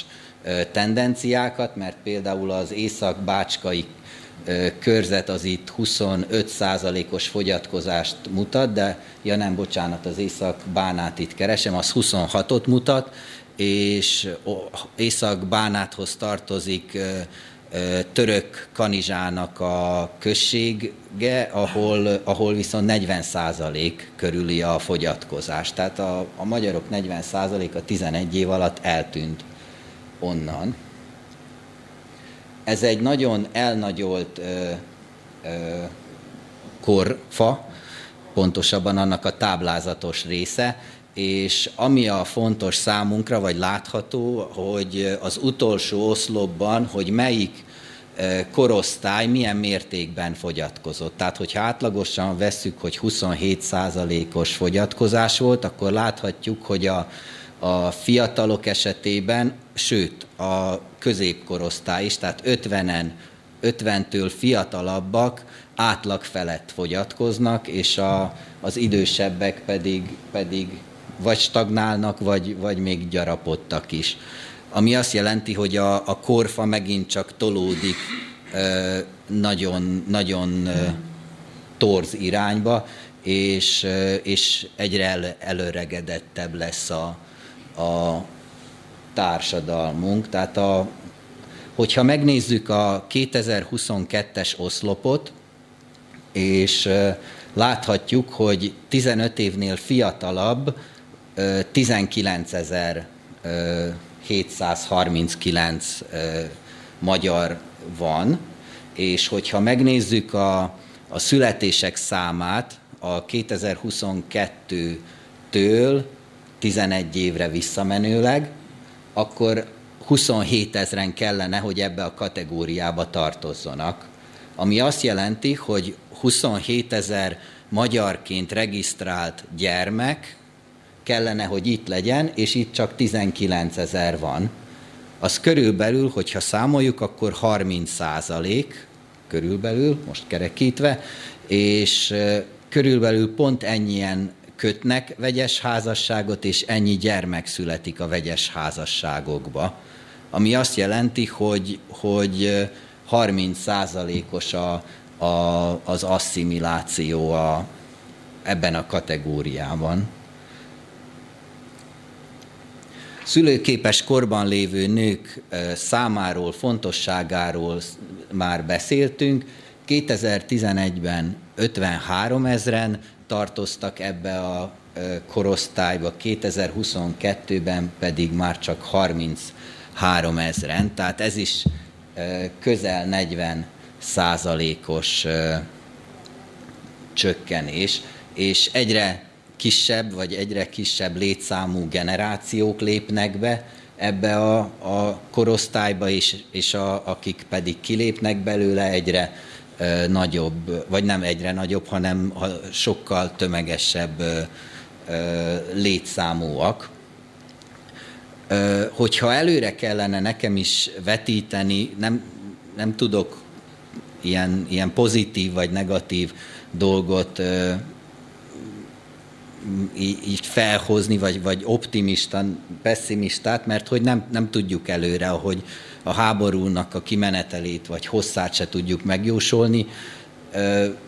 nálunk békeidőben fogták magukat a fiatalok, és elmentek valami miatt, és, és látható, hogy tényleg nagy a baj. Azt hiszem, hogy a, a számvevőszék elnöke mondta, hogy a döglött lovat nem nagyon érdemes operálni, vagy, vagy bögdös... Tessék? Boncolni. É, boncolni, igen. Hát mi, ha nem is döglött lovat boncolunk, de, de nagyon beteg ö, lovat elemzünk, vagy, vagy hallgatjuk a tüdejét, a, ahogyha a vajdasági magyarságnak a létszámát ö, tekintjük. Én most itt tényleg csak kivetítek, hogyha ezt a 27-30 százalékos fogyatkozást előrevetítjük, akkor, akkor majdnem utolérjük Józsiékat a, a kárpátaljai. Tehát, hogy ha ez verseny lenne, akkor, akkor rá, rájuk fordulunk, és, és, és tényleg, tényleg nagy a baj. Tehát ilyen szempontból, és azt kell mondjam, hogy, hogy ilyen szempontból ez egy, ahogyha feltételezzük a 30 vagy 27 százalékos fogyatkozást, ezt állandósítva, akkor, akkor ez, egy, ez az optimista. Mert hogy a, a 65 felettieknek a, a, az aránya, vagy a, a tömeges ö, korosztály, hogyha, hogyha feljebb tolódik, most már azt hiszem, hogy a 2022-es adat az, hogy 1333 magyar gyermek született mindösszesen Vajdaságban, és abból körülbelül 700-an, vagy 700, 790 valahányan születtek teljesen homogén családban, tehát ahol, ahol apa is és anya is ö, magyar, és nem ezzel az optimizmussal, de köszönöm szépen a figyelmet. Köszönöm szépen. Valamennyiünket. Megkérem Varga Diósi Violát, hogy ossza meg gondolatait, vajdasági gondolatait velünk. Köszönöm. Én reflektálnék Robi gondolataira. Talán mégse annyira döglött még az a ló, tehát talán ne adjuk még fel a reményt, hogy ennek a lónak van még pulzusa, meg néha levegőt is vesz, de tény az, hogyha az elmúlt 20 év adatait nézzük, hogyha összehasonlítjuk a 2002-es és a 2022-es népszámlálási adatokat, óriás ez a szám, tehát több mint 107.887 fővel csökkent a vajdasági magyarság száma, ami 20 év alatt 37,17 százalékot jelent, ami rengeteg. Ami, köszönöm. Tehát ami még érdekes, ugye a mi szempontunkból, ugye a központokat, ha megnézzük, tehát Szabadkát, ha megnézzük. Ugye a vajdasági magyarság területi elosztása nem homogén, és az, hogy a községekben hol a legmagasabb a százalék aránya a magyarságnak, nem esik egybe azzal a közeggel, ahol a legtöbb magyar él tömbben. Tehát továbbra is Szabadkán él a legtöbb magyar, és a leg, egyik legnagyobb fogyás épp ebben a tömbben, ebben a tömbközösségben volt. Tehát 2022-ben 39.161 fő élt itt, ami 36,35 százalékát jelentette a városnak, és ez több mint 10 százalékos fogyást jelentett az elmúlt időszakban. Úgy, hogy az intézményrendszerünk, úgy, hogy a, a közösség szellemi és kulturális központja itt ebben a közösségben van. Az, hogy mik a, mik a, a fogyásnak az okai, boncolgathatjuk sokféleképpen. Egy néhány dologgal szeretném csak kiegészíteni a kollégát.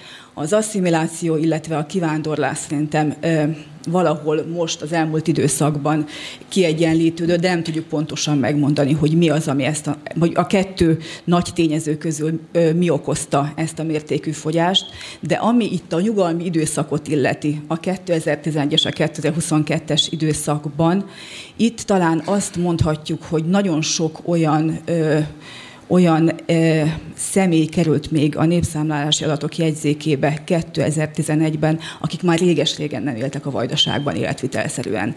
Tehát tudni kell azt, hogy a 90-es évek volt az az első nagy hullám, amikor a vajdasági a háborús fenyegetettség miatt kivándoroltak az országból, és ők még ö, a szülők, a testvérek által, lét, tehát még az életvitelszerűség látszatát meg tudták tartani.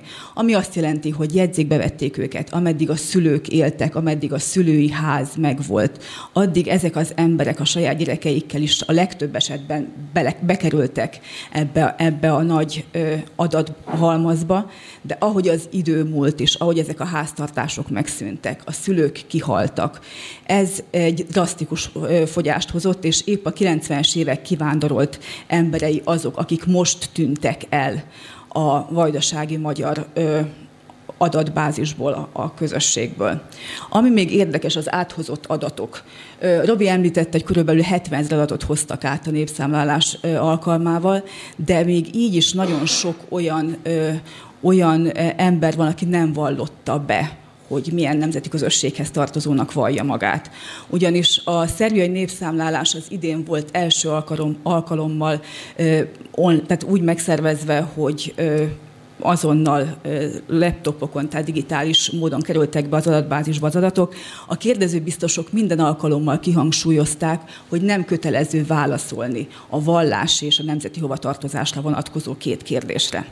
Kampány zajlott, komoly kampány zajlott, hogy a vajdaságban vállalják a nemzeti és a vallási hovatartozásukat, de én hiszem azt, hogy így is van ott abban a sokaságban is egy olyan jelentős szám, akik nem mondták meg, vagy akár a kérdező biztos szándékosan vagy éppen kisebb mulasztással, de nem kérdezett rá erre, erre a kérdésre, és ez bizony nagyon-nagyon fontos, nagyon-nagyon fontos dolog lett volna.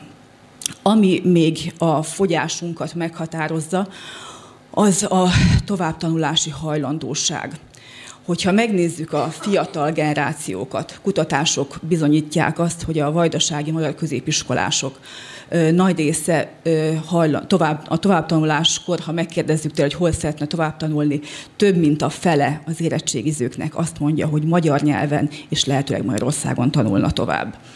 Ez a tendencia már a 90-es évek óta megkezdődött, de most a határ átjárhatósága, tehát az, hogy a határ mentén mennyire megvannak szervezve tudatosan ezek a középiskolai hálózatok, és valóban tárkarokkal fogadják a vajdasági magyar diákokat, valóban olyan körülményeket nyújtanak, amivel egyenlőre a vajdasági magyar középiskolai oktatási rendszer nem tudja fölvenni a versenyt.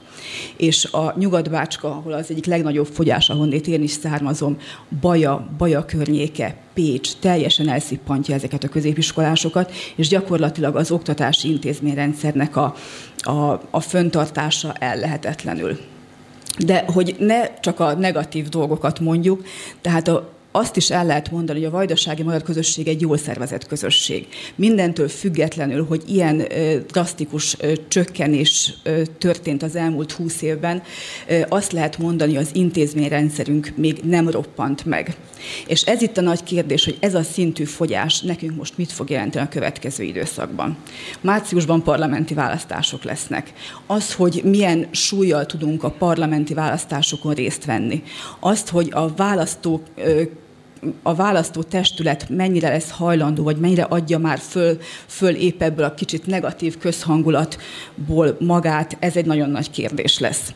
Ami ö, fontos tényező, hogy a vajdasági magyarságnak évek óta önálló frakciója van a parlamentben, nyolc államtitkárral, a tartományi szinten ö, ö, képviselőházi elnökkel, titkárságokkal, magyar polgármesterekkel. Tehát a politikai beágyazottsága, a politikai érdekképviselete a vajdasági magyarságnak még mindig, most már elmondhatjuk, talán egy picit még fölül reprezentáltabb is a saját jelenlegi súlyához képest ami érdekes, ami számunkra nagyon-nagyon sokat jelent, és ami, ami azt hiszem, hogy példaértékű a teljes Kárpát-medencében, az a mi országos kisebbségi önkormányzatunk. Tehát a vajdasági magyarság az egyetlen olyan határon túli közösség, ahol külön törvény szabályozza azt, hogy hogyan működik az országos kisebbségi önkormányzat, ami a mi esetünkben a Magyar Nemzeti Tanács. Ez egy választott politikai testület, ami külön választási névjegyzék alapján kerül megválasztásra, és aminek nagyon komoly jogosítványai vannak a kisebbség érdekképviselet megvalósításában, tehát az oktatás, a kultúra, a hivatalos nyelvhasználat, illetve a tájékoztatás területén. Ezt az intézményt a szerb állam a büdzséből évente rendszeresen támogatja, ez az az intézmény, amely ö, olyan programokat valósít meg, ami a közösség ö, megmaradását, megtartását szolgálja, és ahogy itt az erdélyi kolléga elmondta azt, hogy mennyire fontos az, hogy a az oktatás, az oktatási rendszernek a fölzárkóztatása megtartó erejű és kulcsfontosságú a mi esetünkben is. Ezt a Magyar Nemzeti fölismerte, és egy olyan ösztöndi programot működtet most már több mint 12 éve, ami a helyben maradást, a vajdasági magyar értelmiség megtartását tűzte ki célul. Tehát, hogyha megnézzük a továbbtanulást és a vajdasági magyar értelmiség megmaradását, láthatjuk azt, hogy Újvidék, illetve Szeged a két súlypont, ami, ami lejárt az időm, ugye? Ami, jó, tehát csak gyors mondat, tehát, hogy ez a, ez, a, ez a két súlypont között kell egyensúlyozni, és ezekre próbálja megadni a választ az ösztöndíjrendszerrel, a kollégiumi hálózatfejlesztéssel, és nagyon sok minden mással, amit most akkor nem tudok elmondani, de nagyon szépen köszönöm.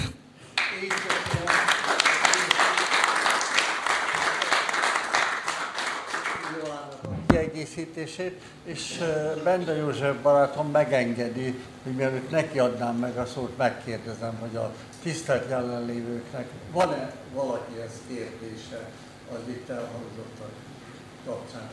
Rövid. Igen, nagyon rövid lesz. Kárpát aljával kapcsolatban lenne kérdésem, Szabad Kanyantal vagyok. Én a Kárpát alja terület olyan 13 ezer négyzetkilométer, ez a nagyságban, ugye 12-13, és a lakossága 1,2 millió, és bennem kételyek merülnek fel a lakosság szám realitását illetően. Nem a magyarság számáról beszélek. Ugye Kárpátalja erősen hegyes vidék. Bocsáss meg, részletesen. Igen. Ne? Erre kérdezték, igen, ennyi volt. Tehát, hogy igen, hogy... Igen, igen. Köszönöm szépen. Hivatalos regiszterek szerint ennyi. Nem hivatalosan, mivel ott sincs nyilvántartó a külföldön dolgozók, és ott is, ahogy itt már elhangzott számos esetben, hogy úgy van még beírva, hogy otthon van, de valójában már szinte alig jár haza. Az ukrán kormány nemrég csinált még a háború előtt egy becslést. A mobiltelefon hálózat használatok, meg ilyesmik alapján 900 valahány ezer jött ki nekik. Köszönöm. Még valakinek valami kérdése? Parancsol. Nekem lenne Kürti Attila, ez csak egy rövid kérdés, ugye beszéltünk a felső közről, és ott volt a nagyszarvai iskolával ilyen mindenféle hír, amit olvastam, hogy mi lett annak a vége. Az, az nekem így nincsen meg.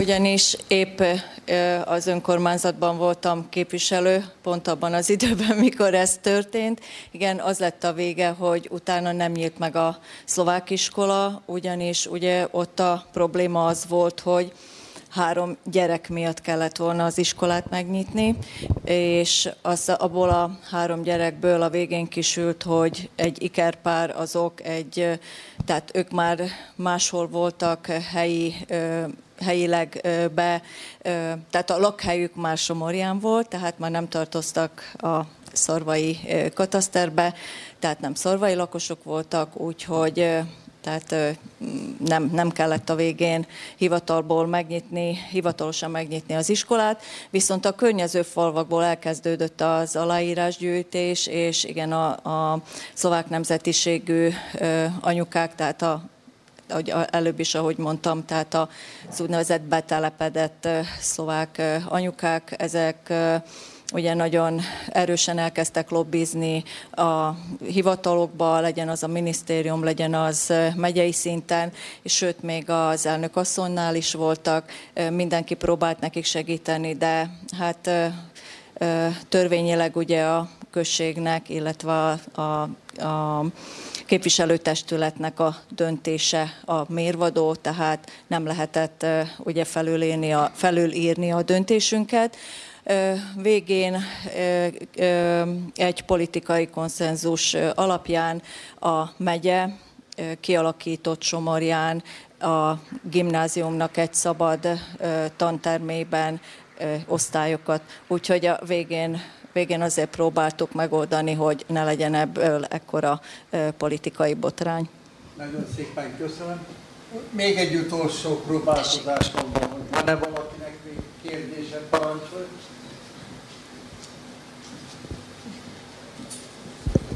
Salai Zsolt Korozsári RMKT. Egy, hát valójában összes előadónak és felszólalónak lenne a kérdésem.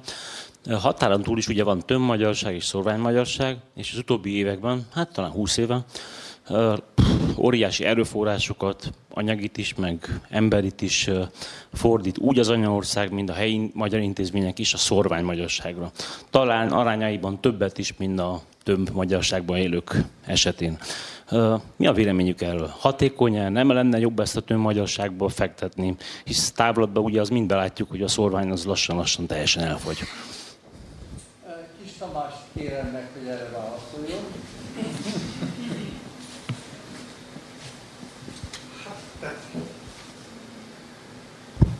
Tehát én az előadásban is amellett érveltem, hogy ezek mellett az ilyen meglé, meglévő, bejáratott támogatáspolitikai dolgok mellett új dolgokra kellene inkább koncentrálni. Most nem akarok nyilván a, a szorvány ellen beszélni, de az, hogy az erdélyi magyar közösségnek a nem tudom, száz év múlva is beszéljünk erdélyi magyar közösségről, az szerintem elsősorban a Székelyföldet, Tömvidéket, Kolozsvárt érintő etnopolitikai döntésekről szól, kevésbé a, a szorványról, de ezzel most nem azt mondom, hogy a, a, azoknak a, nem tudom, máramarosi gyerekeknek a, az iskoláját meg kell szüntetni, ameddig lehet nyilván fenn kell tartani, de nem ettől fognak a, nem ezen fog múlni az erdélyi magyar közösségnek a demográfiai jövője nem szeretnék rossz pontot szerezni. Két mondatot van Zsuzsannak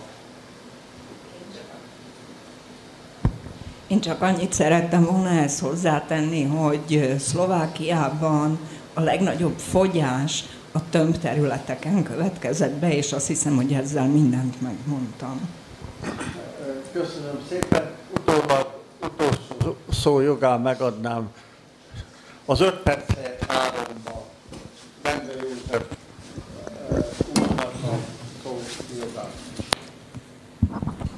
Köszönöm szépen. Azért én háromnál többre tartanék igényt, hogyha még itt a hallgatóság is ebben támogat. És mivel a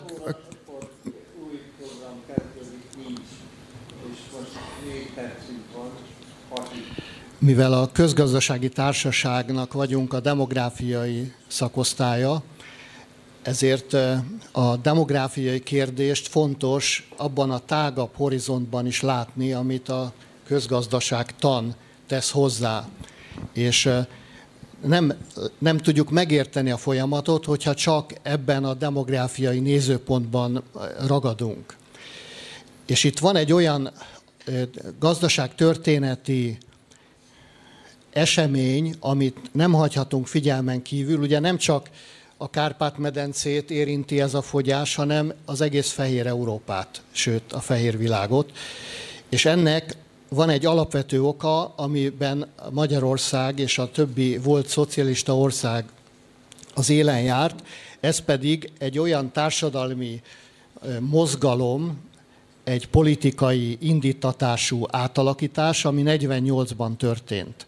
Ennek a lényege az, hogy míg a második világháború előtt az édesanyáknak a 25%-a volt külső munkahelyeken foglalkoztatva, ezt a második világháború után 15 éven belül fölemelték 75%-ra. Tehát a nők külső munkahelyen való foglalkoztatását. Ezt láttuk itt ábrán eh, korábban a KS adataiból. Ezzel egy háromszoros terhet raktak az édesanyákra, és a ez meg is jelent azonnal a demográfiai statisztikákban. 1954 és 61 között a nyolc év alatt százezerrel csökkent az élveszületéseknek a száma. Önmagában ez egy beszédes adat, de ez ugye egy lassú folyamatban az egész fehér Európára kiterjedt. Gyakorlatilag a keresztény kultúrának a térvesztését látjuk, felborult az egyensúly, mert egy befektetés az, ami a gyermeknevelésről szól, és egy befektetés ugyanúgy a GDP-nek a növelése. És hogyha a az egyensúly felborul, és nem foglalkozunk, nem fordítunk elég figyelmet arra, hogy a jövő nemzedékét fölneveljük, akkor gyakorlatilag három nemzedék alatt fölszámolja magát a kultúra, a civilizáció. Magyarországon számos intézkedést hozott a kormány ezek, ennek a, az ellensúlyozására, azonban itt is a, egy gazdasági és politikai szemlélet érvényesült, mert nem a, csak a, gyermektám, a gyermekszületések támogatásáról volt szó, hanem egy családjóléti intézkedésekről, a munkaerőpiacon a nők eh, helytállását támogató intézkedésekről, és csak részben támogatták a gyermekszületéseket. Eh, mivel nincs sok időm a kifejtésre, azt gondolom, hogy eddig az európai kultúrában egyedül a keresztény intézményrendszer adott konzekvensen családpárti megoldásokat. Már második János Pál pápa hangoztatta, hogy a feleségek és az anyák, az édesanyák ne kényszerüljenek családon kívüli munkára, teremtse meg a politika feltételeit annak, hogy egyenrangú, egyenlőképpen legyen elismerve a gyermeknevelés a külső munkával, ugye ami ma most láthatatlan munkának van csúfolva. A 1990-ben már a Magyar Katolikus Püspöki Konferencia megerősítette, és felhívta a figyelmet arra, hogy ez a fogyás akkor még kezelhető, de később már nem lesz az, és ezt 2020-ban megerősítették. Azt írták a körlevelükben, hogy meg kell teremteni a feltételeit az édesanyák otthon maradására. Most bizonyos mértékig ezt már a magyar politika is felismerte, de még meglépni ezt nem tudta. Legutóbb a demográfiai csúcson Novák Katalin elnökasszony a fölsorolta a 12 pontján belül a 9-es pontban, hogy teremtsünk meg a valódi feltételeit a nők szabad választásának. Tehát a valódi feltételeit, nem a marketing oldalról, hogy mondjuk, hogy szabadon választanak, Ugye jelenleg egy három gyermekes édesanyja 28.500 forintot kap segélyként, amiből nyilvánvalóan nem lehet egy személyt se eltartani, nem hogy három gyermeket. Tehát ahhoz, hogy a demográfiai krízist megállítsuk, ahhoz a láthatatlan munkát el kell ismerni, és olyan feltételeket teremteni a nagy családoknak, amik képessé teszik őket arra, hogy sok gyermeket fölneveljenek, és amióta leesett a magyar termékenységi ráta 2,1-ről 1,2-re, majd 1,5-re, azóta gyakorlatilag a nagy családok megszűntek a társadalom eh, intézményeiből, vagyis már nem mérhető létszámban vannak jelen. Tehát ceterum cenzeo, biztosítsuk a sokgyermekes családoknak az életfeltételeit. Köszönöm szépen. Én nagyon szépen köszönöm megértését. Szépen köszönöm előadóink, előadóink hivatalos hozzászólóknak a szereplését. Én nagyon szépen köszönöm a jelenlévő türelmét és részvételét a ma délutáni, a fekvőülés programjában. Én visszatérnék egy mondat erejéig, hogy a határozottan való, hogy a Kárpát-medencei magyarság népesség fejlődését külön országokra tagolva lehetetlen a továbbiakban elemezni, befolyásolni. Talán eszembe nem jut én csak zárójelbe jegyzem meg, azon volt, ugye a horrorkormány időszaka volt, amikor a szavazat volt, hogy a magyar, a magyar útlevelet megkapják a határon útlevelet a élő magyarok, aki publikáltam egy írást, amelyben hitet tettem amellett, hogy igenis azt a disznóságot, amit a nagyhatalmak elkövettek, azt korrigálni kell, viszont én úgy gondolom, hogy azok a megoldások, amelyek a magyar népe, magyar, tehát a Trianik, a Kis-Magyarország népességfogyását, a szomszédos országok magyarságának rovására kívánják megoldani, és olyan támogatásokat nyújtanak, amelyekkel, hogy mi van, hidat építünk, nem, több mint hidat, mézes nem folytatom a jelzőket, hogy, hogy hiszívjuk. Meggyőződésem, hogy az a, a, a probléma, amelyről Nagy Károly úr beszélt, abban most nagyon tapintatos volt elnök úr, abban Magyarország keményen benne van. Tehát az, hogy a magyar felsőoktatások, felsőoktatás elszívják a, a romániai magyar fiatalokat Magyarországra, és aki egyszer, vagy az, hogy a határok szélein található középiskolák érdekeltek abban, hogy a Nagykárolyról, Nagyváradról, stb. stb.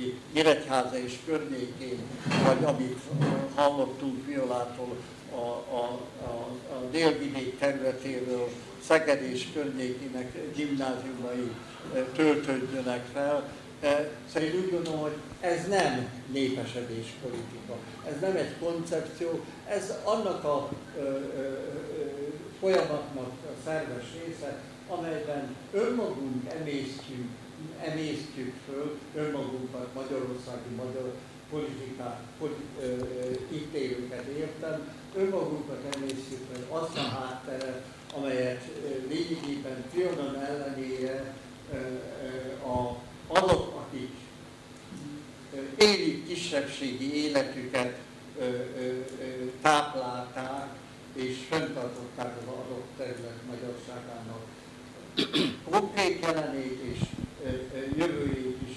Megint zavaró vagyok, elfelejtettem, újból elfelejtettem az aranybányász helyet, ahol Verespatak. Hát veres, szomorú volt Verespatakat végig sétálni, amely egy kiverett, fantasztikus.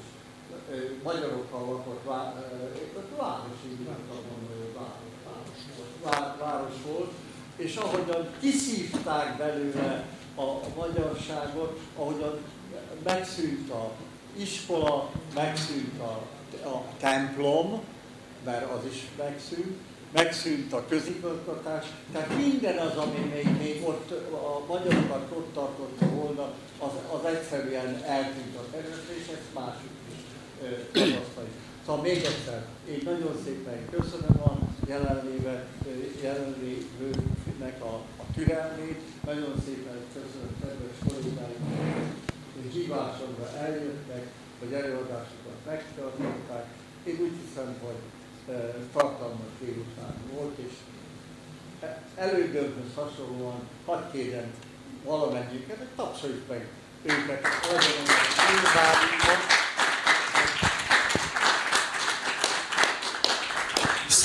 Bocsánat, bocsánat, szeretném még a figyelmet fölhívni, hogy aki egy könyvet szeretne, jöjjön ide,